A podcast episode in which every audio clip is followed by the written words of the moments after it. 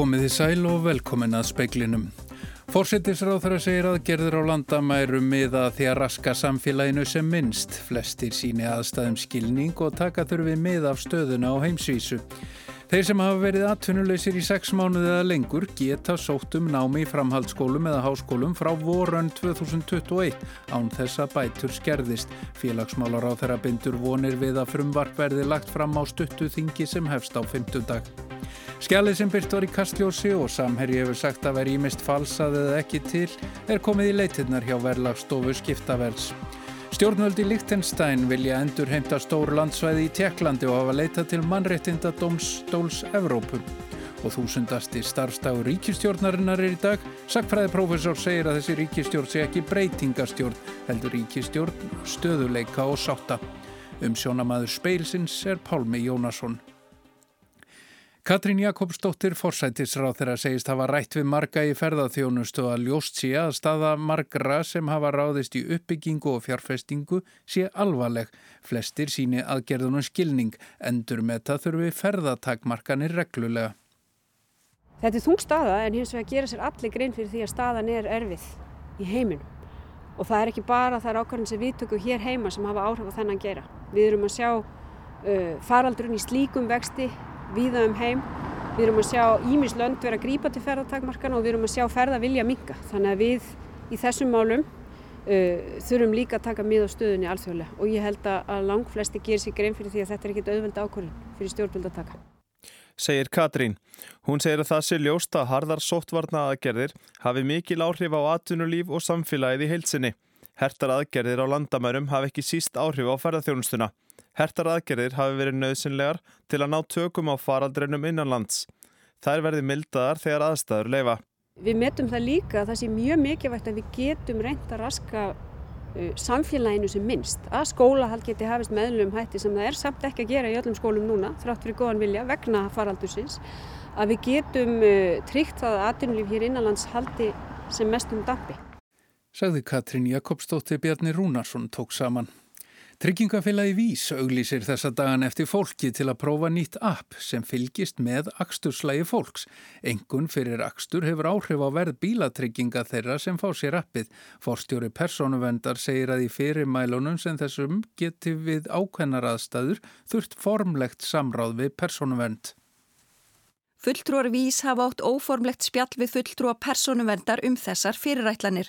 Helga Þóristóttir, forstjóri personuvendar, segir að í tilvikum sem þessum þurfi fyrirtæki mikinn undirbúning og að fara yfir hvort allar heimildir séu til staðar. Og við ákveðna aðstæður getur þurft að fara í formlegt samráð við personuvend. Það til dæmis ef að ábyrðaræli sem það væri fyrirtæki telur sig ekki geta í rinni takmarkað eða lámarkað áhættu af vinslu personupplýsingar. Með appinu á að gera umferðina örugari að því að segir á VF Vís. Þar segir að það hjálpi fólki að fylgjast með axtri sínum og hveti það til að keira vel.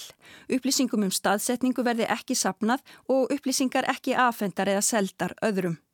Helga segir að nú séu áhugaverðir tímar með tilkomu tækninar og því skipti miklu máli, almennt, að fyrirtæki fari eftir personuvendarlögum. En hitt er eitthvað sem við þurfum kannski öll sem einstaklingar að staldra við og það er svona siðferðislegu sjónumöðin sem að hér er undir að, að einmitt að er rétt að, að hjá fyrirtækjum að fara í meir og meiri rýni á ykkur og er rétt að óska eftir því að við gefum hluta friðhelgi engalís okkar í staðin fyrir já mögulega aðeins lægri göld í hverju mánuði. Segir Helga Þóristóttir Dagni Hulda Erlendstóttir tók saman.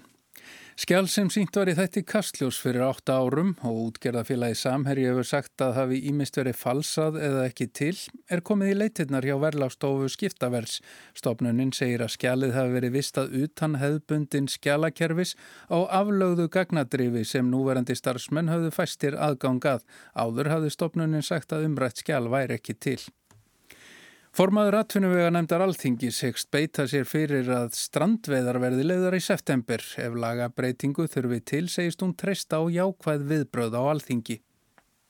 Strandveðar voru stöðvaðar 20. ágúst þegar strandveðiflotin hafði veitt þar afla heimildir sem ætlaði voru til veiðana í ár. Þetta var tæpum tveimur vikum fyrir áallan tíma og allir mikillir reyði meðal sjómanna. Framkvæmdastjóri landsambans mábátaeganda hefur sagt nöðsilegt að grípa til aðgerða þegar alþingi kemur saman nú í vikunni. Lilja Rafni Magnúsdóttir formaður atvinnu vegar nefndar ávona því að þetta verði rætt í nefndinni. Minn vilji hefur staðið til þess og ég hef gert ráð þeirra grein fyrir því að það sé möguleiki ásveigjanleika í kerfinu þessu 5,3% til þess að opna á strandveðar í september. Kristján Þór Júliusson sjávarótusar á þeirra hafði þegar bætt við aflaheimildum áður en veiðunum laug. Hann saðist hins vegar ekki hafa lagalegar heimildi til frekari aukningar að það þarf lagabreitingu til að, að þá treysti ég því að þingið er því jákvæmt í þeim efnum að skoða möguleika á því núna á þessum þingstöpi í ágúst. Og það sé mikilvægt í þeim aðstæðum sem nú eru í þjóðfélaginu að styðja við strandveðar og efla störfin sem þar eru. Það má búast við því að þeir aðelar sem hætti strandveðum núna að þeir fari á atbyrðlisbætur og okkur veitir ekkert af því að, að reyna að halda öllum störfum í virkni eins og hættir. Sagði Lilja Rafnei Magnúsdóttir, Ágúst Ólarsson talaði við hana. Stjórnvöldi Líktenstein hafa leitað til mannréttinda domstóls Evrópu með það fyrir augum að endurheimta landsvæði sem nú telst til Tjekklands. Deilurnar hafa staðið yfir í áratögi. Landsvæðið sem deilt er um er um 2000 ferkilometrar sem er meira en tíu sinnum starra en Lichtenstein er nú, aðeins um 160 ferkilometrar. Fyrsta dæmið telur að þegar landamæri voru dreygin eftir síðari heimstyrjöld hafi svæðið sem umræðir ránglega verið haft innan Tjekkoslovakíu. Lichtenstein hafi verið sett undir sama hatt og þjóðverjar og því talið eðrilegt að taka svæðið eignarnámi í ræfsingarskinni eftir stríð. Svæðið tilherir nú Morava héræði í Tjekklandi en það eru meðal merkustu kastala Evrópu. Tver þeirra er á heimsminjaskrá UNESCO og annar þeirra var í eigu Lichtenstein fyrstakjölskyldurinnar. Deilutnar hafa staði yfir í ára tugi en Katrín Eggenberger, utanreikisrað þeirra Lichtenstein, segir nú málað linni. Það sé mikilvægt að smáríki reyni að standa upp í hárinu á stærri ríkjum. Þess vegna hafi verið leitað til mannartind á domstólsins. Tjekkar segja hins vegar að málið hafi ekkert þangað að gera því deilurnar nái lengra aftur en tilur domstólsins sjálfs. Það smá geta að ríkinn tvö deila ekki landamærum.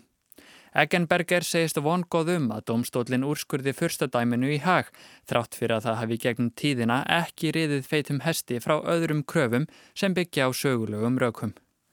Andri Irkild Valsson segði frá. Í dag er þúsundasti starfstagu núverandi ríkistjórnar sem myndu vara framsóknarflokki, sjálfstæðisflokki og vinstri grænum. Sakfræði professor segir þessa ríkistjórn ekki fara í sögubækunar sem breytingastjórn, frekar sem stöðuleikastjórn.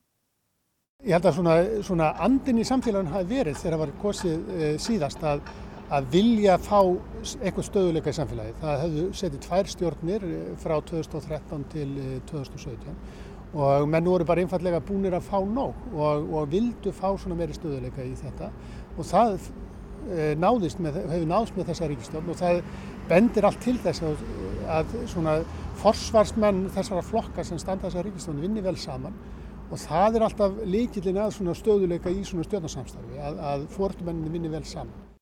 Segir Guðmundur Haldánarsson, sagfræði profesor við Háskóla Íslands. Hann segir stöðurleika og sátt fyrst og fremst einnkenna þessa ríkistjórn. Henni hafi tekist vel til með aðkomu sinni að samningarhrinu á vinnumarkaði í vor.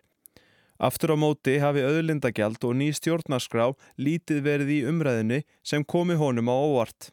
Það verður að segja eins og verður um leið. Að um leið og þú setur saman ríkistjórnir af svona flokkum sem að koma svona ólíkum áttum alveg frá hægri til vinstri að þá er ekki líklegt að það er eigi auðvöld með að koma sér saman um stefnumarkandi breytingar af því að það er ekki, ekki verður, það er erfitt að finna sátt um slíkt. Þannig þetta er ekki stjórn mikilvæg breytinga myndi ég að segja, það er ekki mín tilfinninga minnst. Það er svona hennar aðall er þessi, þessi stöðuleiki. Ríkistjórnin hafi bóðað að ný stjórnarskrá verði lögð fyrir alþingi fyrir næstu kostningar. Stjórnarskrábreytingar eru samþygtar að þingi rétt fyrir þingrofa e, samstundu sem leið og, og hérna, stjórnarskapetningar er samþýttar. Þannig að það er svo sem ekkit óeðlegt að það er ekki, ekki gerst en þó í því máli en, en tíminn stittist. Þetta var Guðmundur Haldánarsson, Bjarni Rúnarsson tók pistilinn saman. Harry Maguire, fyrirliði Manchester United og varnarmaður enska landsliðsins í fótbolta hefur verið dæmtur sekur af grískum domstólum fyrir líkamsárás, mótróa við handtöku og ítrekkaðar tilraunni til að múta lögröglumönnum. Maguire var dæmtur í 21 mánadar skilorðisbundið fangelsi og þarf hann því ekki að sitja inni.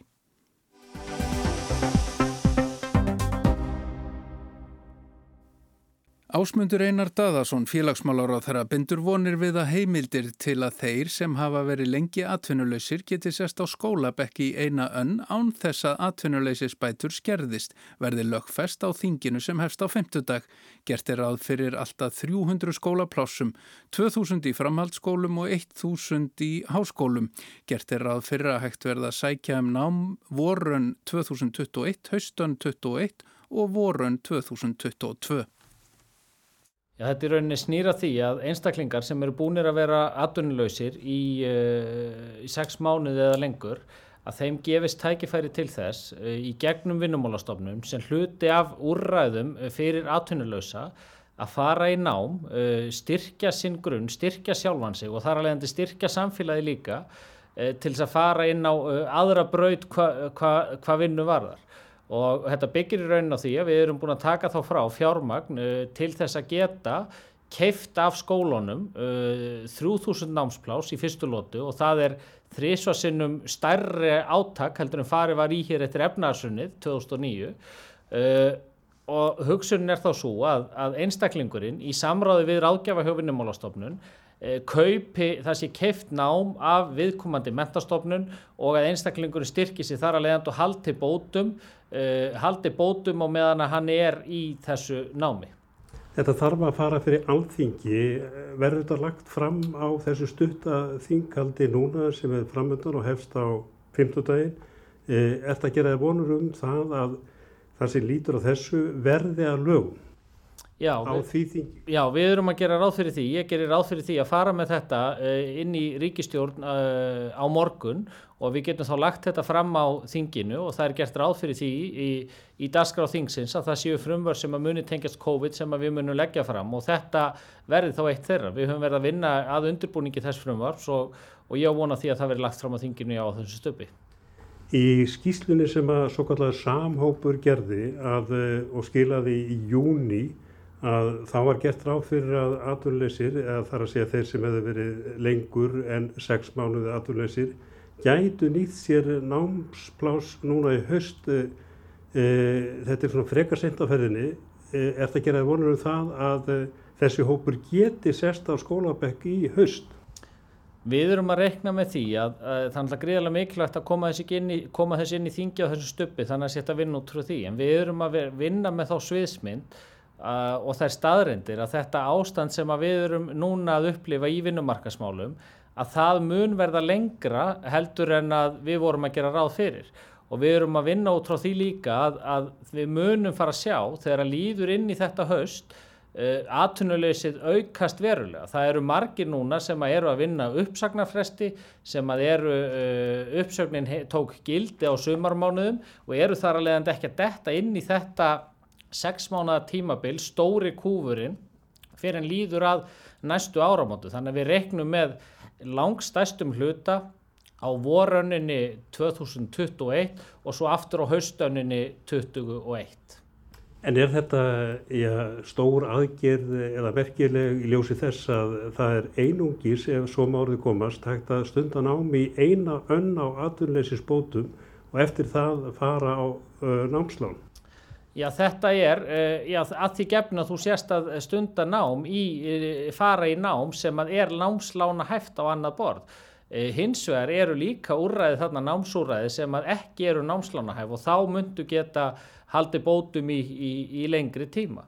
Hugsun hefur alltaf verið svo að skilja á milli sérstaklega þeir sem eru í námi að þeir sé að fá námslán en þarna eru við og sambarilegt því sem gert var í efnaðarsönnu að hvetja til þess að fólk stýji skrefið og hjálpa því að yfirstíga skrefið, að fara að vinnumarkaði og, og geta síðan farið í nám. Þannig að ég vil meina að þetta sé, já, í það minnsta er þetta þrísvarsinu stærri aðgerð heldur en að farið var í sambarileg hér í efnahagsunnu. Við erum að taka uh, þrísvarsinu stærra skref þar, þannig að ég vil meina að þetta sé mjög uh, myndarlegt skref og við erum líka að segja það að komið til þess að þetta dræja á langin og þetta reynist vel að þá munum við að sjálfsögðu bæta í ef áþorfa að halda vegna þess að ég trúi því að það sé gríðalega jákvægt fyrir ekki bara einstaklingarna sem eru atvinnuleysir, e, langtíma atvinnuleysir, heldur líka fyrir samfélagið og vinnumarkaðin og hagkerfið okkar í heild að við nýtum þennan tíma, þessar tímabundu niðursveiflu til þess að styrkja fólk og það styrki sig inn í þá atvinnugreinar sem við sjáum fram og að muni uh, verða skortur á, á fólki í á næstu árum. E, þið miðið mitt e, við það að e, opna fyrir námi í greinum sem að þar sem er skortur á vinnuafli. Já, það er hluti af þessari hugsun að við sjáum það bara að það eru á, í ákveðnum atvinnugreinum það sem er ekki uh, skortur á uh, starfsfólki og fyrirliggjandi að samkvæmt til að mynda spám frá OECD og fleiri aðilum að þá er fyrirliggjandi að það muni verða skortur á næstu árum. Og þar erum við að tala um tæknigreinar, yðngreinar, eh, mentun í helbreyðisfræðum, eh, kennslufræðum og fleiru. Og við viljum sjá og við viljum sjá að, að fleiri fari í slíkt nám. Og þess vegna erum við að nota fjármunni ríkisins til þess að hvetja til þess að fólk nýti þessa niðursöflu til þess að horfa til atvinnugreina og horfa til náms sem að getur, uh, sem ekki sé skortur á uh, mannabla til. Og það væri líka sérstakt í ljósi þess að aðgerðin er, ef við værum ekki að gera það, sérstaklega í ljósi þess að aðgerðin er hugsuð til þess að draga úr atvinnuleysi. Og er vinnumarkas aðgerð sem slík þar sem að vinnumálastofnun kaupir mentunna og það væri sérstaklega ef við horfum ekki til þess að gera það í atvinnugreinu sem við sjáum að verður sókn í á, á næstu árum. Bara stutt, e, það gertur af fyrir 3000 námsplásum, 1000 í e, háskóla og 2000 í framhalskólum. E, en það er ekki bara að atvinnulausir setjist að skólabekk, það er líka verið að opna fyrir önnur tilbúð til náms, já, náms, á námskeiðum og námsflokkum eða fjarkjenslu og alls konar og það þarf að gera ímislegt meira en bara það að taka ákvörðun um að ykkur hefji nám í framhalds eða háskóla. Já, við erum, við erum líka að styrkja raunfærnimatið sem að hjálpar fólki til þess að í samstarfi við atvinnlifi sem hjálpar fólki að meta sína raunfærni. Við erum líka að, að, að styrkja símenduna miðstöðarnar allt í kringu landið í gegnum fræðslusjóð og fleira vegna þess að við vitum að það þarf að koma með fjölbreyttum hætti inn og ég ítrekka það að þetta er ekki eina aðgerri ríkistjórnarinnar, þetta er eitt púst í því spili sem við ætlum að eh, stíga á næstu vikum og mánuðum. Disney World í Flórida er nú COVID-19 held sápu kúla utanum einna launahæstu íþróttamenn heims í NBA körfuboltadeildinni bandarísku. Vegna koronaveiru faraldur sinns leit út fyrir að NBA-deildin tapaði einum miljardi bandaríkjadala í sjómarstekjum. Til að koma í vekk fyrir það var sköpuð risastór sápu kúla utanum NBA í ævintýraveröldinni í Disney World. Guard 6-7 from Slovenia, number 77, Luka Doncic. Heimsfaraldur koronaveirunar hefur haft gríðarlega áhrif á heimsbyðin alla og NBA körfuboltadeildin í bandaríkjónum er þar engin undan tekning. Það virtist ómulögt með öllu að tryggja fjarlagðar mörg í körfubolta. Innan hús í þróttar sem leikmenn eru viðþólslöst í líkamlegri snertingu hver við annan í meira en tvær klukkustundir í senn. Ef tímabilið hefði verið blásið af, hefði deildin orðið af einum miljardi bandaríkjadala í sjómarstekjum sem skiptast til helm á milli deildarinnar og leikmanna. Miklir hagsmunni voru í húfi. No fans in the building apart from virtual fans on the video board. So there's piped in crowd noise both in the arena and on television. So they've gone to great lengths to try to create some atmosphere in here, here in the NBA bubble. Forraðamenn dildarinnar og leikmennir þurftu að hugsa út fyrir bóksið og hugsa í lausnum. Niðurstaðan var svo að búa til risavaksna sápukúlu í Disney World í Flórida, algjörlega lokað svæði fyrir leikmenn, starfsfólk og bladamenn í ævintýraveröldin í Disney. It's surreal really. There's never been an NBA postseason like this. Ofurstjarnan Líbrón James segir þetta helst líkjast körfuboltamóti barna með fullornun leikmönnum sem í ofanalag eru með að launa hæstu íþróttamanna heims. Það eru engir áhorvendur og allir leikmenn þurfa að fara eftir gríðarlega ströngum sóttvarnarreglum sem samviskusamlegur skráðar í þykkar reglugerða bók. Allir hafa sín förstu sæti og enginn fyrir sturtu fyrir en viðkomandi er komin á eigið hótelherbergi. 350 leikmönnum 22 liða á samt starfsmönn blaðamönnum og fjölmiðla fólki var komið fyrir í COVID einangruðu umhverfi þar sem ekkert er til sparaði að koma í vekk fyrir koronaviru smitt. Mark Stein hefur verið í sápukúlinni í Disney í 45 daga til að færa heimsbyðinni fréttir úr sápukúlinni í Disney fyrir New York Times. Hann fer daglega í skimun fyrir koronaveirunni og þurfti að byrja í sjö daga sótkví á hótelherberginu. Hann má ekki yfirgefa hótelherbergið ánleifis og engin viðtölur er leið nema innan þeirra marka sem honum eru sett. I am at the Coronado Springs Resort at Walt Disney World in what is known as the NBA bubble. There's three hotels that house teams, and then I'm in the fourth hotel that houses the referees, the media, the game operations personnel, all the people who kind of make the bubble go. 11. mars reyndist leikmarinn Rúti Gobbert hjá Utah Jazz smittaður á koronavirunni rétt fyrir leikliðsins gegn Oklahoma City Thunder. Forráðamenn deildarina brúðust fljótt við og NBA-deildin var fyrst af stóru deildunum í Norður Ameríku til að hætta keppni. Ekkert var leikið í fjóra mánuði fyrir nefstu lið deildarina komu saman í sápukúlunni svo kölluð í Disney World til að klára leiktíðina. Gert er ráð fyrir að úslita leikurinn fari fram fyrir miðjan oktober oktober.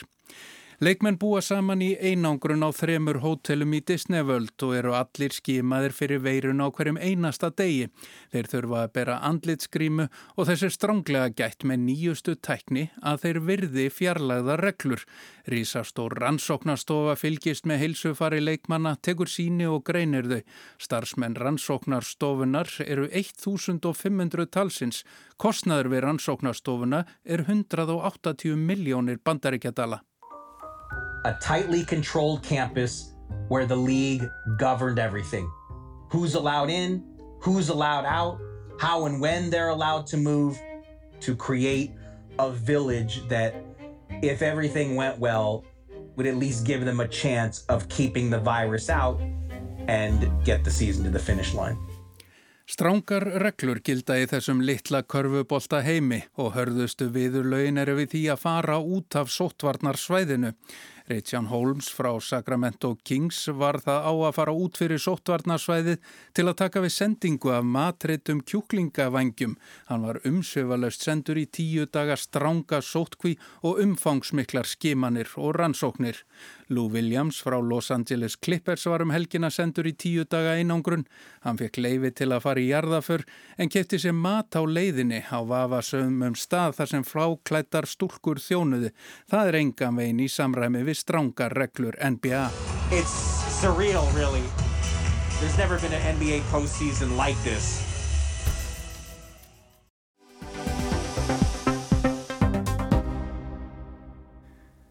Tilraunin Norðmanna til að finna nýjan forstjóra fyrir óljusjóðin digra hafa loks endað með farsætli lausn en henn nýju forstjóri verður að gefa frá sér jafnverði 150 miljardar íslenskra króna og hætta að svindla á skattinum og hætta að leita í skattaskjól með peningana sína. Gísli Kristjánsson. Norðmenn hafi aldar fjórðung móta reglur og hefðir sem eiga í veg fyrir spillingu sérstaklega pólitíska spillingu og fræntikli við ráðningar í ofenbyr störf. Starfand eru hefninemdir og síðanemdir og stjórnmálamenn eru logandi hrættir við ásakanir um að hafa tókað í spotta bak við tjöldin til að koma sínum vinum og velunurum að kjöttkottlunum. Þetta á upphafsitt í slæmiri reynslu af pólitískum ráðningum á árum áður þegar flokkskýrtinni þóttu best. Ráð þeirra má ekki skipta sér að verkum kjörin að stjórna í ríkistofnunum og kjörnar stjórnin með ekki skipta sér af eftirlitsnemdum. Allir eiga starfa óháð og nýðustafan á að vera fagleg og rétt. Hæfastu umsækjandi á að fá stöðuna. En nú snýri stæmið við. Skorað var á ráð þeirra að grípa nú í taumana, kippa í alla tiltæka spotta og komi í veg fyrir að hæfastu umsækjandin yrði ráðun til að stýra óljusjóðnum digra. Við það yrði ekki búið að hæfastu umsækjandin án allra pólitískra tengsla fengi starfið og byrjaði ávaksta eigur allrar þjóðarinnar. Aðeins með pólitískum afskiptum væri hægt að koma hæfasta manninum úr forstjórastólnum. Hæfastur umsækjanda var fjárfestir að nafni Nikolai Tangen. Hann var spurður hvort hann vildi ekki vera svo vætn að ávaksta oljusjóðin næstu sex árin. Þar með var fjandin laus og Nikolai Tangen beðunum að neyta að taka við starfinu. Eftir fjögur að mánu að þref sagði hann. Jeg har ikke tenkt, eh, har ikke tenkt ett sekund på å trekke meg for denne jobben. Men jeg må også bare si at jeg, jeg søkte ikke om den jobben i desember. Jeg ble kontaktet av rekrutteringsbyrået. Ég hef ekki hugleitt að eina sekundu að hafna starfinu. Ég sótt ekki um, ég var beðin um að taka þetta að mér sæði tangen þegar loksins fannst lausn á málinu í gær. Þá var ráðning hans orðina pólitískri krísu þar sem fjálmárar á þeirra, Ján Tóri Sanner, neitað að hafa afskipta ráðningunni og var jafnvel krafin um afsögn fyrir að skipta sér ekki pólitísta máli sem reglur sögðu honum kæmi ekkert við. Ráð þeirra fyldi bara reglunum.